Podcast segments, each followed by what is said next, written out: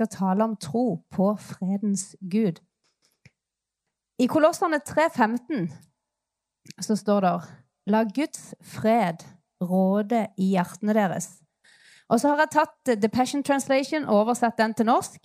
La alltid deres hjerter bli ledet av Guds fred, som der, han som kalte dere til fred som en del av hans kropp. Det er fantastisk. La alltid deres hjerter bli ledet av Guds fred. Og vi nærmer oss jo julaften med stormskritt. Eh, og for meg som da handla de første julegavene i går Er det noen andre som er der? Eh, så kan man jo da bli litt tatt av dette stresset, ikke sant? Og kanskje du er litt stressa, eller kanskje noen rundt deg er litt stressa.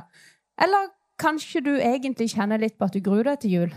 Eller kanskje du kjenner litt ekstra på ensomhet rundt juletida. Eller kanskje du har noen rundt deg som kjenner på akkurat de tingene.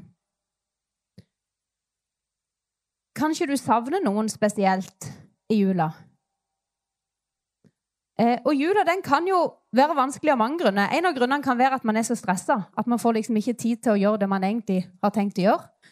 Men det er jo mange andre ting enn det, f.eks. at man savner noen. Eller at man egentlig gruer seg til jul.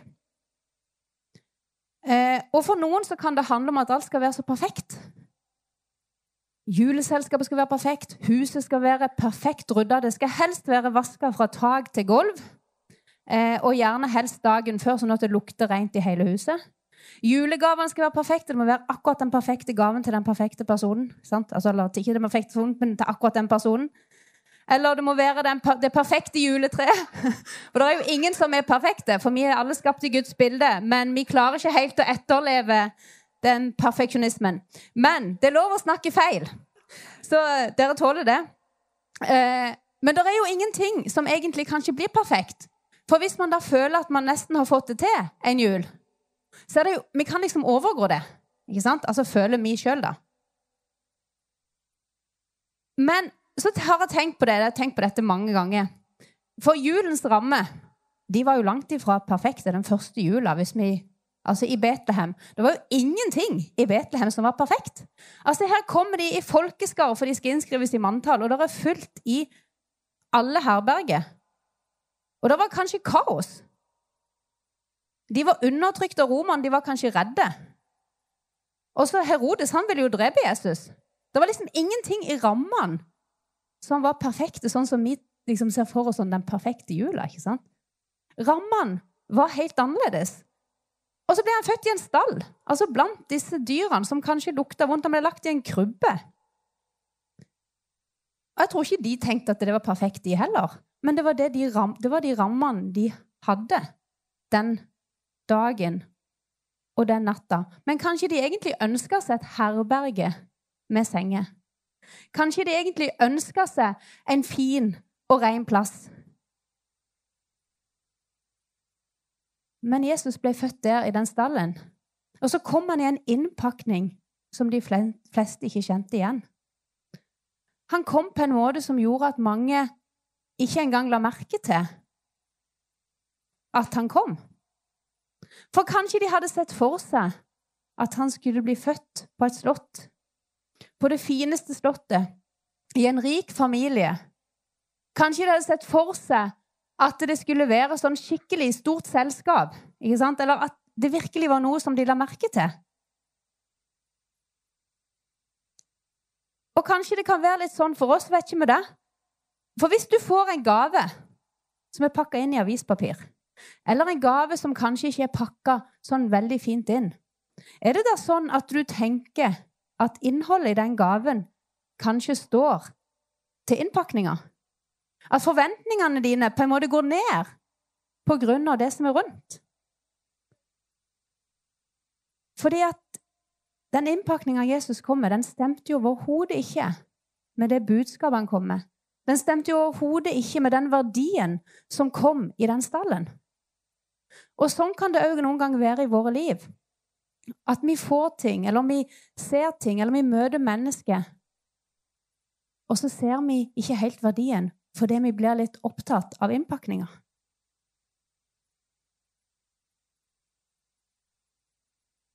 For det handler ikke om rammene vi nå lager for jula. Det handler ikke om gavene, det handler ikke om juletreet det har ingenting med jula å gjøre, egentlig. Det er bare Jesus.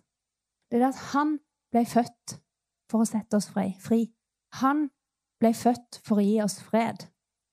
Og så kan vi gi gave fordi vi liker å gi, og fordi at det er en god ting å gjøre. Og det òg minner oss om at Gud ga oss alt.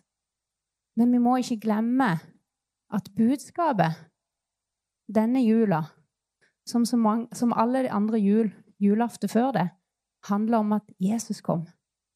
Og han kom ikke til de flotte og fine og rike først og fremst. Han kom til alle, men han viste seg først for de som var lavest. Han viste seg først for de som kanskje ble sett ned på, for de som hadde den, de dårligste jobbene, for de som var ute i fare. Han viste seg for gjeterne først. Og så kom han til ei helt vanlig jente. Jesus kom for å gi oss fred. Jesus er fredens budskap. For det står i Sorry, Mia. Nå begynte jeg å ta over her. Vær så god, Mia. Styr showet bak der. Du er så god på det. Jesaja 9,6 sier For et barn er oss født, en sønn er oss gitt. Herredømmet er lagt på hans skulder. Hans navn skal være underfull rådgiver, veldig Gud, evig far og fredsfyrste. Fredsfyrste. Vi kan noen ganger bli liksom opphengt i mektig Gud, evig far, men fredsfyrste. Paulus skriver til romerne og fredens Gud skal snart knuse Satan under deres føtter. Vår Herre Jesu Kristi nåde være med dere. Amen. Fredens Gud skal snart knuse Satan under deres føtter. Ikke krigens Gud eller den mektige Gud eller Men fredens Gud. For det var det Jesus kom med. Han kom med fred. Han kom med kjærlighet, han kom med mange andre ting, men han kom med fred. Og så skriver også Paulus til romerne rett før dette må fredens Gud være med dere alle. Og Jeg kommer tilbake til det, men når vi leser i Nytestamentet, så står dette ordet fred så mange ganger. Det var noe som Jesus snakka om, det var noe som Paulus skrev om. For det at fred, det var en viktig del av det Jesus kom med. Da står i Johannes evangeliet, for så høyt har Gud elsket verden, at han ga. Verden. Jesus kom til alle. For han hadde hele tida en plan om å gjenopprette alt. Fordi hans kjærlighet til deg og til meg og til alle rundt oss var så uendelig stor. Og hans ord sier at han elsker oss først, og at ingenting kan skille oss fra den kjærligheten. Og det som er så fantastisk, er at hans fred og hans kjærlighet er helt uavhengig av oss. For det er ikke vår fred, det er ikke vår kjærlighet, men det er det han kommer. Det er det som han har lagt på innsida av oss når vi har tatt imot han. Og for meg så minner ikke julens budskap meg bare om at Jesus ble født, men hvorfor han ble født, og hva han gjorde. Idet han ble født, så skjedde det noe. Gud ble menneske. Guds plan om å gjenopprette fellesskapet med seg var liksom på gang. Og så kommer påska, og så seier han over døden. Han ga oss sin fred. Guds fred.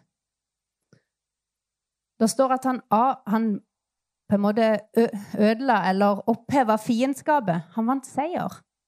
For idet han døde på korset, så avvæpna han makten og myndighetene. Han viste seg som seiersherre. Ikke bare viste seg, men han triumferte på korset. Det betyr at ikke de har noe våpen. At de er avvæpna. Fordi han vant. Og vi kan få lov til å leve i den freden som han har gitt oss, i seier sammen med han. Og så kan vi jo bli litt sånn Ja, men det er ikke alltid vi kjenner fred på innsida. Nei, absolutt ikke. Men det handler ikke om at jeg skal prestere en fred, eller at du skal prestere en fred, men det handler om at han er fred. Og han gir oss en fred som overgår all forstand. Det står i Efeserne 2,14 Han er vår fred. Han som har gjort dem begge til ett, og som brøt ned skilleveggen mellom den, som sto imellom. Den er på en måte bare vekke. Og det er det jeg tenker på når jeg tenker på jula. At når Jesus kom, når han døde på korset, så var skilleveggen vekk. Det er liksom åpent rett inn. Han skapte fred, og han åpna veien. Og så står det at håpets Gud skal fylle dere med all glede og fred i troen, så dere kan ha overflod av håp ved Den hellige ånd. Det er Han som fyller oss. Det er ikke jeg som skal prøve på noe. Det er ikke du som skal prøve på noe når jula roer ned. og liksom, Må jeg stresse for å roe ned? Nei. Men det handler om å kunne senke skuldrene og kjenne at han er fred. Kanskje du har en person som gjør deg litt sånn spesielt trygg. Kanskje det er noen du, når, når du er sammen med dem, så kjenner du deg spesielt trygg. Kanskje du kjenner deg tryggere enn når du er alene. Jeg har det litt sånn når jeg går tur i mørket. For jeg liker ikke så veldig godt mørke, spesielt ikke hvis ikke det er gatelys, eller hvis jeg går mellom trær. Eh, det, jeg vet ikke hvorfor, men det bare er sånn. Eh, men da er det sånn at det er mye lettere å gå tur sammen med noen. For da merker jeg ikke det. Og selvfølgelig skal vi ha hverandre og backe hverandre i livets stormer. Men det er noe som er mer enn det. Så midt oppi at man står sammen, så er hans fred fullkommen. Hans fred er den som virkelig gir oss roen. Og det er jo når vi er i relasjon med Han, at vi kan oppleve den freden. Og så er det, så er det kanskje sånn Ja, men så oppstår det noen situasjoner, og så føler man seg overvelda. Ja, det gjør vi alle sammen. Men hans fred er der allikevel. For den er ikke avhengig av meg eller mine omstendigheter. Når vi oversetter, eller når Bibelen har oversatt ordet fred, så kommer det fra i hvert fall to forskjellige ord. I Gamle testamentet er det brukt shalom. Det betyr fred, harmoni, det å være hel, det å være, altså ha fullstendighet, eller completeness på engelsk, velstand, framgang og ro. Alt det ligger i det ene ordet. Også i Nye testamentet så heter det jeg vet ikke hvordan jeg uttaler det, men eirene. Og da er det det på en måte å være én, eller være heil. Fred, stillhet, hvile, og blir også brukt om fred og fred i sinnet. Så det er liksom så mye mer enn det vi legger i ordet fred. Altså Det handler jo om å være heil, å kjenne seg heil. Å være på plass. Det er Jesus som er vår fred. Jeg husker For mange år siden så gikk det opp for meg at Gud Jeg bare satt i sofaen, jeg husker det ennå. At Gud er nærmere enn pusten. For det at man har liksom en sånn liksom Man må be til Gud. Og så tenker vi liksom Gud, Selv om vi vet det, så tenker vi på en måte at Gud liksom er der ute. Men plutselig gikk det opp for meg at Gud han er jo nærmere enn pusten. Det er jo sånn at Når jeg trekker pusten, så er han der. Det var jo han som ga meg pusten. Han bor i meg med sin fred.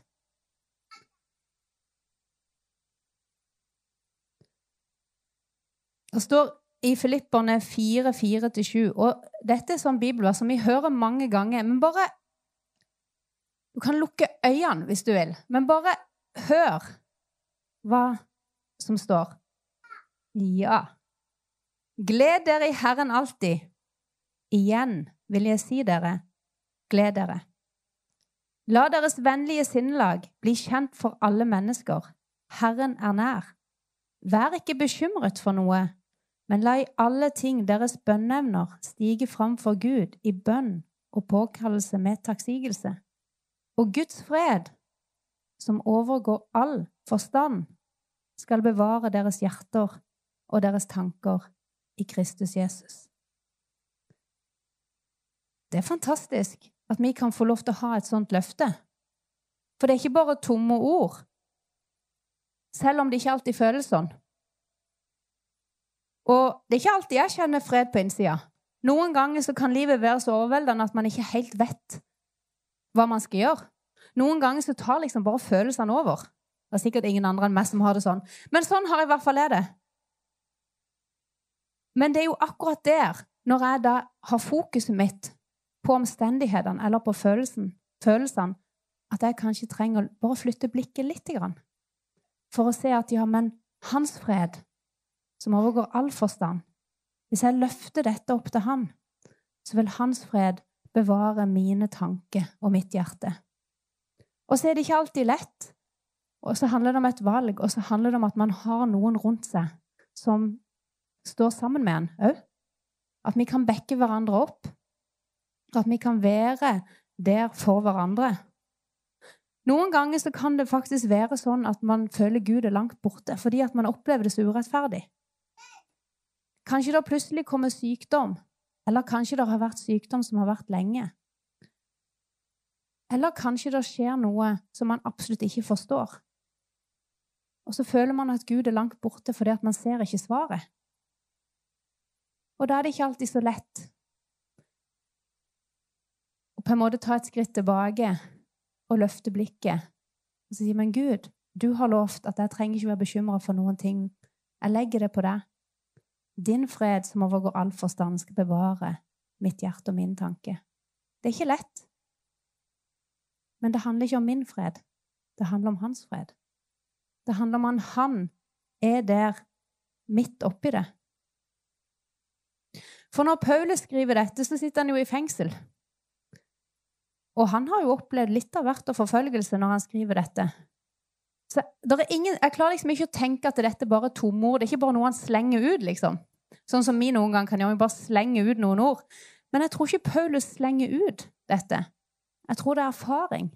At når han har stått i de tøffeste av de tøffeste situasjonene, så har han opplevd at Gud er den som bevarer han sitt hjerte og hans tanker med fred.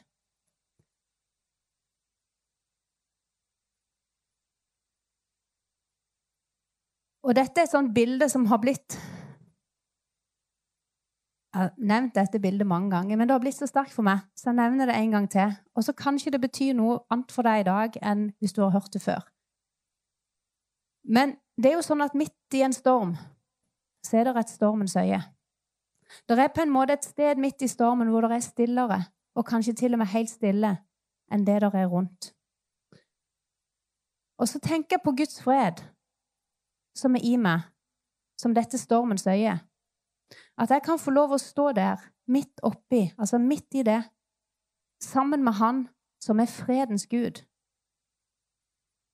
Og så kan det være en storm rundt meg, og stormen er den samme. For det er ikke alltid omstendighetene endrer seg. Noen ganger så må man stå i det en stund. Men midt i det stormens øye, midt i freden, så kan vi få lov å erfare at Han bevarer våre tanker og våre hjerter. Midt inne i stormens øye. For hans fred er større enn enhver storm.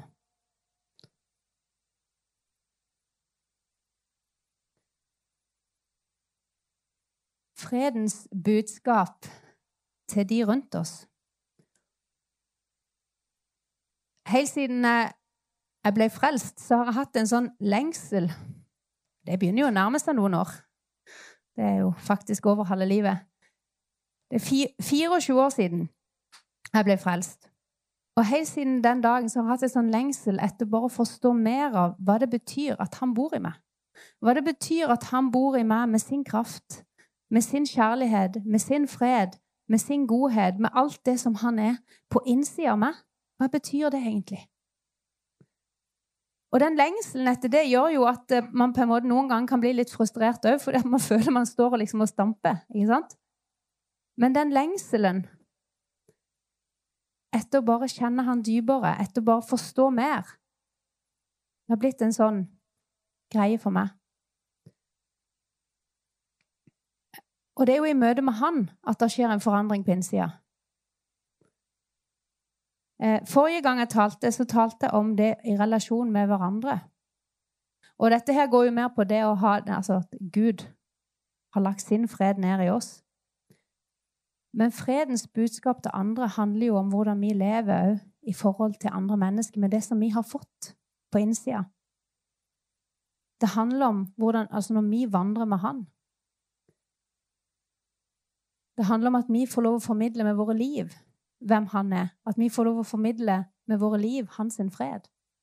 Uten at det er et stress, uten at det er noe ork, men fordi Han bor på innsida av oss.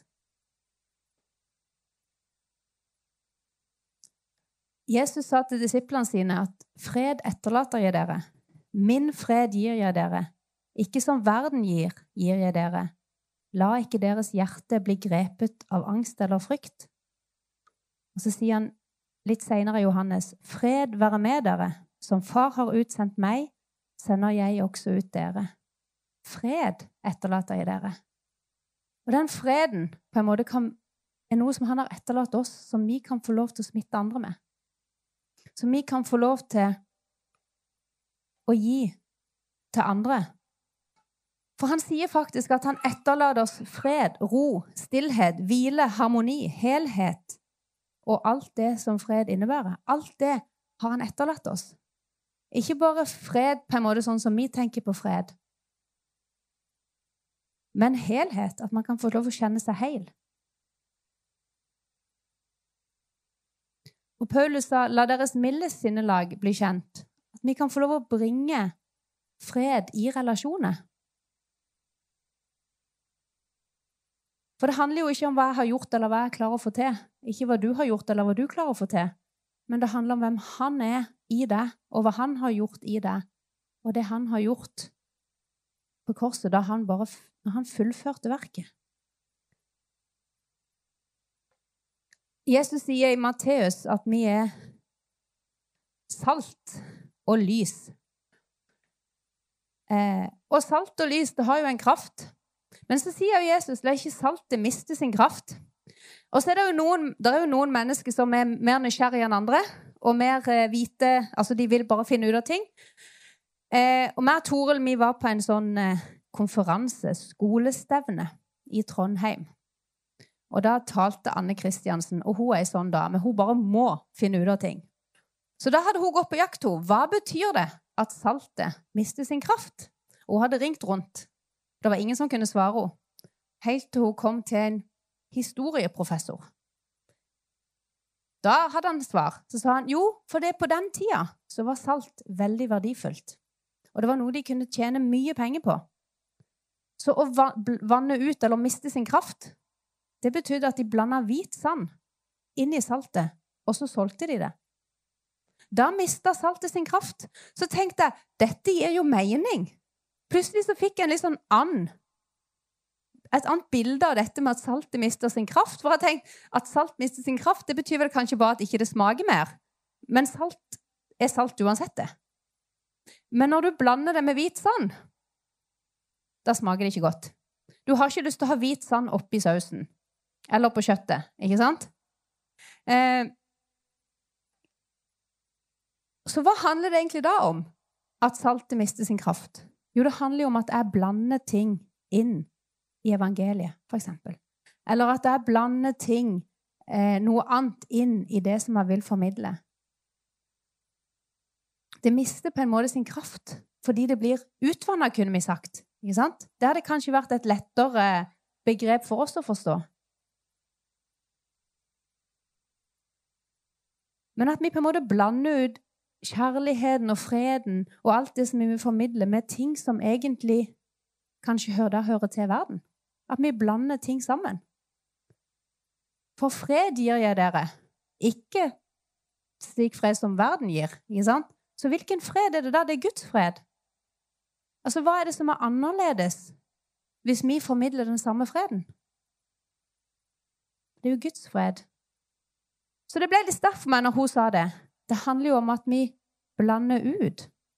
Og det kan jo òg handle om hva jeg følger meg med, eller hvor jeg henter min, mine sannheter fra.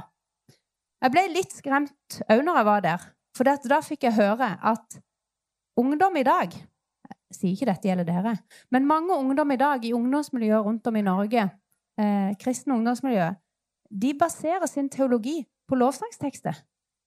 Så tenkte jeg Oi sann, da, er det ikke mye dybde i teologien, i sannhetene. For vi må jo hente sannhetene ifra Guds ord, som er på en måte basen, som er fundamentet. Så det å at saltet mister sin kraft, det handler jo òg om at vi kanskje da ikke har sannhetene ifra Bibelen.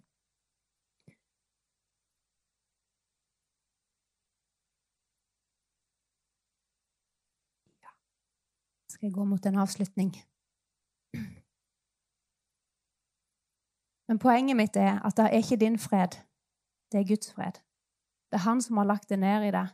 Og jeg tror virkelig at når han sier at han er fred, så kan vi få lov til å oppleve fred i alle omstendigheter, uansett.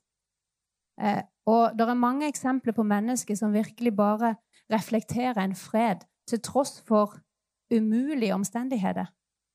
Og det rører med mitt hjerte når jeg ser mennesker som bare opplever de mest urettferdige ting, de verste sykdommer, de verste ting de kan oppleve, og så formidler de en fred. Fordi at de har altså funnet den på innsida. Det er Gud på innsida. Det handler jo ikke om at de klarer det sjøl, men det handler om at de har fått en åpenbaring av hvem Gud er, hva hans fred gjør. Og det er liksom der jeg har en lengsel etter å komme. En sånn bønn etter at vi skal komme der, at midt oppi julestria At vi skal få lov å kjenne på en fred. Sånn at om, om sporene ikke blir fine, om middagen Om alt går bare krasj på julaften Om ingen er fornøyd med gavene, ikke sant? så er det ikke det jula handler om. Det handler om at Jesus kom for å bringe fred. Fred på innsida. Det handler om at han kom for å gjenopprette fellesskapet med seg, for at vi skulle få lov å ha fred med han og for at vi skulle få lov å ha fred på innsida.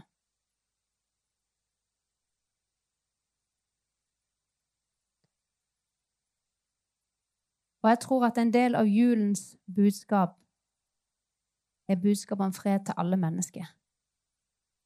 Først og fremst fred med Gud, men fred til alle mennesker. Og vi kan få lov til å formidle fred i våre relasjoner, både til de som ennå ikke kjenner Gud, men òg i våre relasjoner. Vi kan bringe fred, vi kan bringe tilgivelse, vi kan bringe han inn i relasjoner som er ødelagt, fordi han er fred. Så uansett hvordan rammene ser ut, så er budskapet det samme. Og den første, jeg tenker at den første julen sine rammer viser oss at midt i ramme som vi kanskje ikke har sett for oss, så finner vi det mest verdifulle. Der finner vi Jesus. Må du hoppe til siste, siste Mia? Det står at Han som er i stand til å gjøre langt mer enn det vi ber om eller forstår etter den kraft som virker i oss. Det er ikke sikkert vi helt forstår hvordan Gud kan gjøre det. Det er ikke sikkert vi klarer å se det for oss. Det er ikke sikkert vi har fantasi nok til å se det. Men han er mektig til å bruke det. Han bruker det i situasjoner hvor du kanskje ikke ser det sjøl. Og jeg tror at du har betydd noe for mennesket. Du har bringt fred til mennesket. Du har bringt kjærlighet til mennesket. Du har vist mennesket hvem han er, uten at du vet det. Eh, og nå vet jeg at disse to damene som jeg skal nevne nå, de liker det ikke, men jeg gjør det likevel.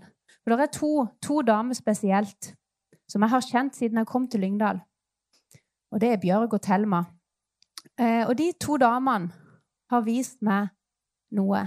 De har vist meg en kjærlighet. Når jeg ikke hadde en mamma her, så ble de på en måte en litt sånn mamma. Jeg fikk alltid en klem. De hadde alltid en oppmuntring. Og når da Nå begynner jeg nesten å grine. Jeg skal ikke gjøre det. Og når da mamma døde eh, for eh, tre, tre år, fire år siden, så møtte de begge to meg på hver sin dag. Det var helt utrolig. Det var nesten de, som de hadde avtalt det. Men begge to kom med den klemmen. Eh, og så tenker jeg meg sjøl De har gitt meg noe som de kanskje ikke er klar over sjøl. Eh, og kanskje du har gitt noe til noen som ikke du er klar over sjøl. Eller kanskje noen har gitt noe til deg som ikke de vet om. Og noen ganger så trenger kanskje vi også si det. At du, det du gjorde der, det gjorde noe med meg. Det ga meg en fred. Det ga meg en glede på innsida. Eh, for jeg tror vi har mennesker rundt oss, alle sammen, som betyr noe mer for oss enn det vi kanskje sier. Og nå kunne jeg trukket fram mange. Men grunnen til at jeg trekker fram akkurat de to, er fordi at de er liksom i min mammagenerasjon. Og så jobba jeg med det i barnehagen første året jeg var i Lyngdal. Og det gjorde at eh, jeg hadde De ga meg noe. De ga meg tro. De viste meg hvem Jesus var, på en helt spesiell måte. Jeg var nesten nyfrelst. Men de ga meg noe. Og sånn er du òg for andre mennesker. Det er ikke sikkert at du vet hva, men jeg er overbevist om at Gud har virka gjennom deg til mennesker rundt deg. Ble er litt emosjonell her? Skal vi ta oss og be sammen? Eh, for jeg tror at jeg tror at Gud ønsker å vise deg noe i dag. Jeg aner ikke hva, og, det er litt fantastisk at ikke jeg vet hva, for at Gud møter deg der du er. For han vet hva du trenger. Han vet akkurat hva du trengte å høre i dag. Og kanskje du har hørt noe helt annet enn det jeg har sagt. Og det er helt greit, fordi han kjenner det. Kanskje de bibelversene jeg har hatt, har betydd noe helt annet for det enn det jeg har formidla, fordi Gud har talt til deg om noe annet. Men han taler til oss. Og han gir oss tanke. Kjære Jesus, jeg takker deg for din fred, Herre. Jeg ber Herre om at du gir oss en ny åpenbaring av, av din fred, Herre. Hva det vil si at din fred er på innsida av oss. Hva det vil si at din fred overgår all forstand.